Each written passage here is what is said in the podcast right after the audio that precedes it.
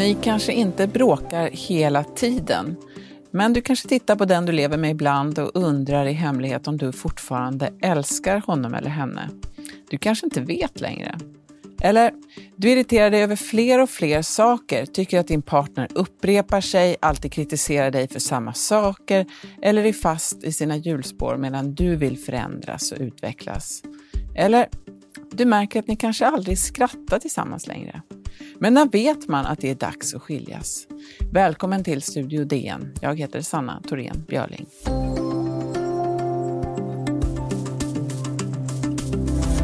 Ja, om en i en relation blir störtkär i någon annan är det kanske inte så mycket att göra. Men ofta är ju gränsen mellan en bra, tråkig, dålig och ohållbar relation inte lika knivskarpa. Idag ska vi prata om det med Anna Bennick som är psykolog, föreläsare och författare bland annat till en bok om skilsmässor. Välkommen Anna! Tack så mycket!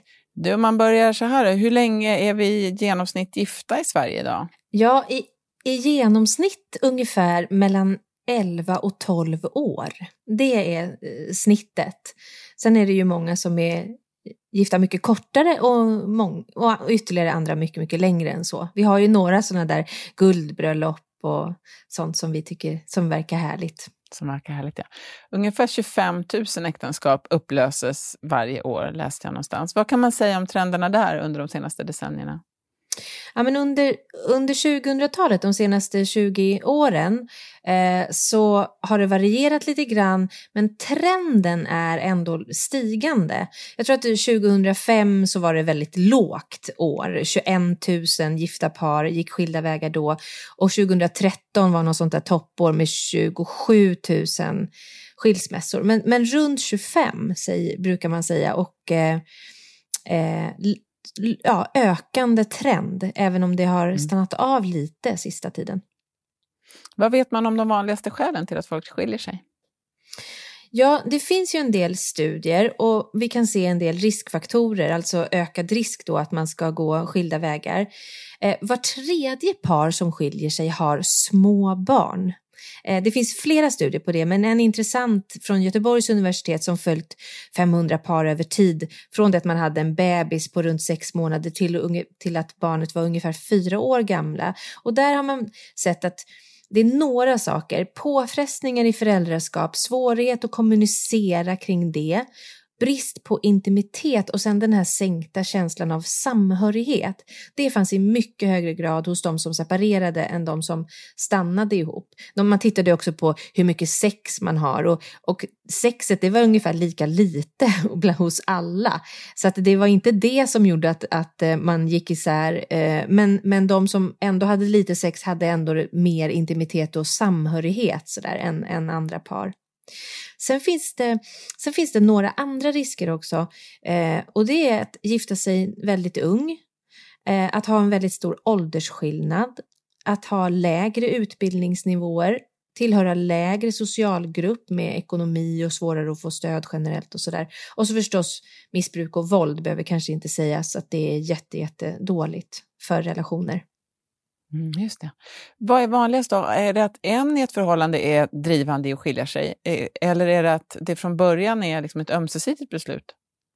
Det är mycket vanligare att det bara är den ena som vill skiljas, åtminstone inledningsvis. Man kan ju önska att vi skulle vara överens i större utsträckning där. Det är ju eh, ja, men svårt redan som det är, men, men så är det inte. Och det är dessutom kvinnor som i majoritet fattar beslut om skilsmässa. Mm. Just det, det tycker mm. jag man har läst ganska många gånger, att kvinnor också mm. ofta klarar sig bättre efter skilsmässor.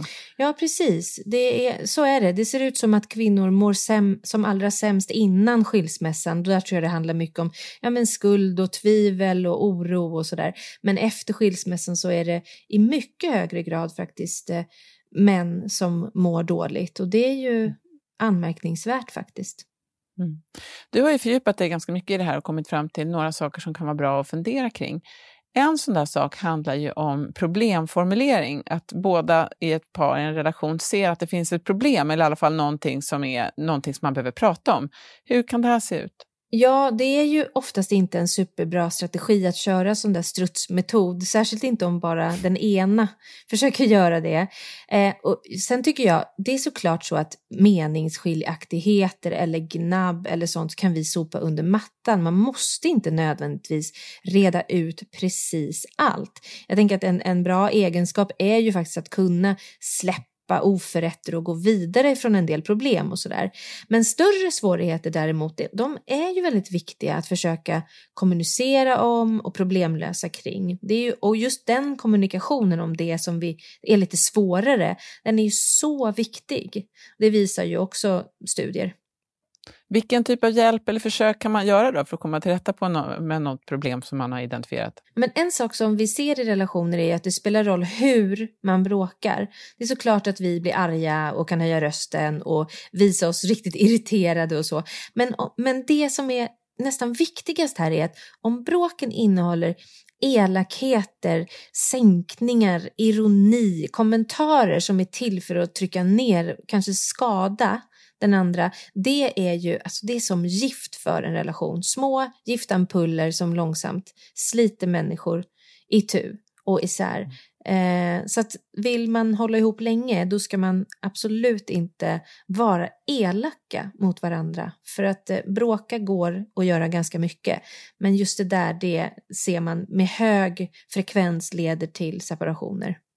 Just det, gå på sak och inte person då kan man kanske säga. Ja, verkligen. Man kan ju säga att jag är så jävla förbannad på dig nu, men att sen säga någonting elakt om hur du ser ut eller vilket lågt värde du har som person och sådär, det är, det är inte att rekommendera. Just det. Vi ska alldeles strax prata lite mer med dig om vad man kan eh, göra för att veta om man ska skilja sig eller inte.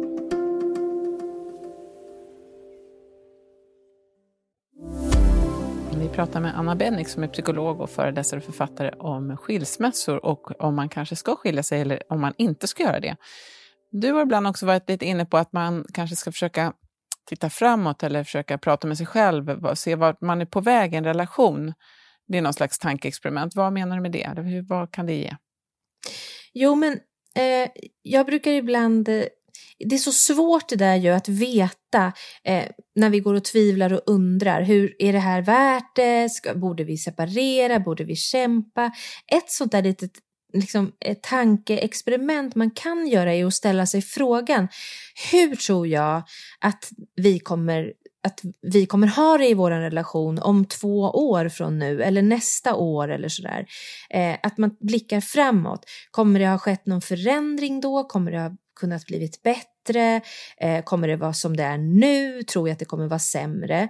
För om man, om man tänker sig att eh, ganska ofta så kan man också då få en uppfattning om att jag vill inte, om, om det inte sker någon förändring så vill jag inte sitta på det här landstället, på den här trappan och eh, titta ut i någon sorts granskog och känna mig så här olycklig. Eh, att det kan ge lite kraft då att kanske försöka göra ett sista ordentligt försök eller att landa i att hit vill inte jag nästa sommar och jag tror inte att det kommer vara någon förändring. Eller så får man tvärtom en uppfattning att ah, men vi har ju ändå gjort vissa förbättringar och om vi fortsätter att jobba på de här sakerna så kan vi säkert vara på en annan plats om två år till exempel. Just det. Så det blir lite som en, en, en liten temperaturmätare för sig själv. Liksom. Precis, ja, men precis. Mm. Mm. Det finns ju en väldigt grundläggande sak här och det är ju kärleken. Vet man alltid att man älskar en annan människa? Hur vet man det egentligen? Ja, det är faktiskt eh, en fråga som jag tror att många ställer sig i, i perioder. Hur vet man faktiskt det? Det kan ju vara jättesvårt att, att få fram de där varma känslorna efter många år och massa bråte i vägen, ungar, tidsbrist, irritationer, besvikelser, gamla gräl och sånt där. Eh, så, så, så kär och galna känner vi oss ju sällan eh, alltid.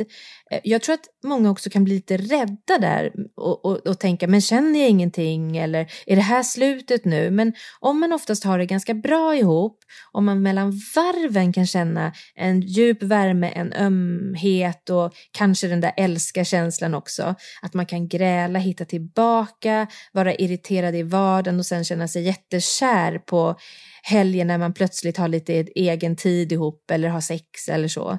Att vila i då att den finns där även om den inte är så närvarande. Men det är klart om man länge har gått och funderat på var de där varma känslorna är någonstans, ja då kanske de faktiskt inte finns kvar längre. Det är ju inget konstigt heller. Nej. Du var inne på det lite tidigare och, och nu också. Eh, jag hörde någonstans att just det här fysiska och det sexuella är ju det enda som tydligt verkligen skiljer en kärleksrelation från en annan relation som ju också kan vara väldigt djup.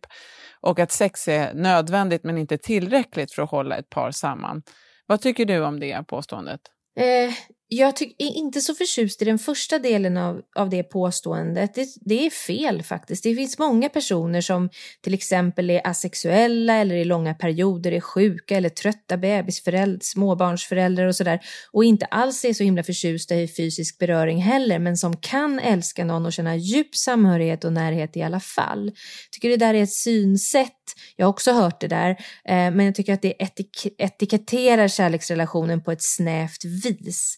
Ehm, det, det, är dumt tycker jag att diskvalificera andra sätt att leva intimt tillsammans.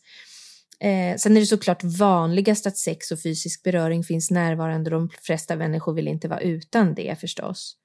Eh, men, men sen kan jag hålla med om det andra då. Jag håller med om kanske att sex, endast sex i alla fall, väldigt sällan kan vara den enda komponenten som finns närvarande för att en relation ska kunna bestå över tid och kanske vara dynamisk eftersom vi ofta behöver också lite andra saker. Men ja, även där, man kan väl vara sådana här KKs eller vad det heter i, i, i, ett helt liv och vara lycklig med det också. Ett äktenskap, det har ju du pratat nu om också, men det förändras ju eh, med tiden och mm. man kanske ställer andra krav. De behöver ju inte vara större eller mindre de här kraven, men de, de förändras med ålder och med tid. Man lär känna varandra, man kanske gör olika saker på andra, andra sätt. Hur, hur kan det där se ut och vad händer om man har olika förväntningar? Ja, jag, jag, jag tycker ett vanligt exempel eh, som förändras i en relation som pågår under en lång tid, det är ju att man går ifrån att göra allting tillsammans till att inte göra det. Och en, en del par har ju lite svårt med det där, att faktiskt ge varandra utrymme på annat håll och att man har mer egen tid och så. Men vi utvecklas ju olika och är delvis andra personer när vi är 40 än när vi är 20. Barnen blir större, de flyttar ut, man ser på varandra och undrar vem, vem det där är plötsligt nu 20 år senare eller 15 år senare.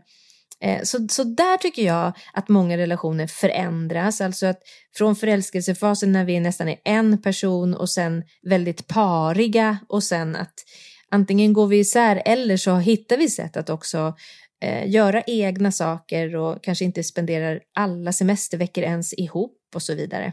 Så det tycker jag är en vanlig sån där utveckling och också någonting som kan bli problematiskt och krocka liksom i behov hos par som är ihop länge. Mm. Man känner man har lust att göra saker på olika sätt kanske, man inte har riktigt samma prioriteringar mm. egentligen. Ja, men mm. precis. Om man, om man då bestämmer sig för, eller att man känner så här, men det kanske är dags att säga just det här äktenskapet, eh, vad är då första steget? Ja, om man har fattat det, sådär, det jag borde säga adjö här, eh, då, tro, då har man ju ofta funderat många vänder fram och tillbaka. Och ofta har man också försökt göra vad man kan för att förändra det som inte fungerar. Eh, och ste, steg två, när det har landat ordentligt hos en själv, är ju verkligen att prata med sin partner och dela sina tankar. Jag tror ofta att det är bra om en partner som lämnas kan involveras ja men inte bara när man har skrivit på ett nytt kontrakt, det är lite sent då, utan att man kan hinna med och reagera, få fråga, ställa frågor, för, för liksom fatta innan någon står med nycklarna till sitt nya boende i handen helt enkelt. Och sen så tror jag ett steg är att tänka stöd även om man är den som vill skiljas så är det ofta en väldigt stor påfrestning och förändring och, och att här ser vi att vi tar oss igenom sådana kriser mycket, mycket bättre om vi har stöd och hjälp och nätverk omkring oss och då kanske vi också behöver våga be om hjälp. Man är verkligen inte sin starkaste variant ofta i de här processerna. Just det. Och annars kanske man fattar ett annat beslut att man kanske inte riktigt vill skilja sen och då får man kämpa på och ta det ja. jobbiga med det fina. Verkligen, så, är, så kan det också vara. Så är det ju för fler än hälften bestämmer sig för att fortsätta ihop säkert många gånger längs med vägen.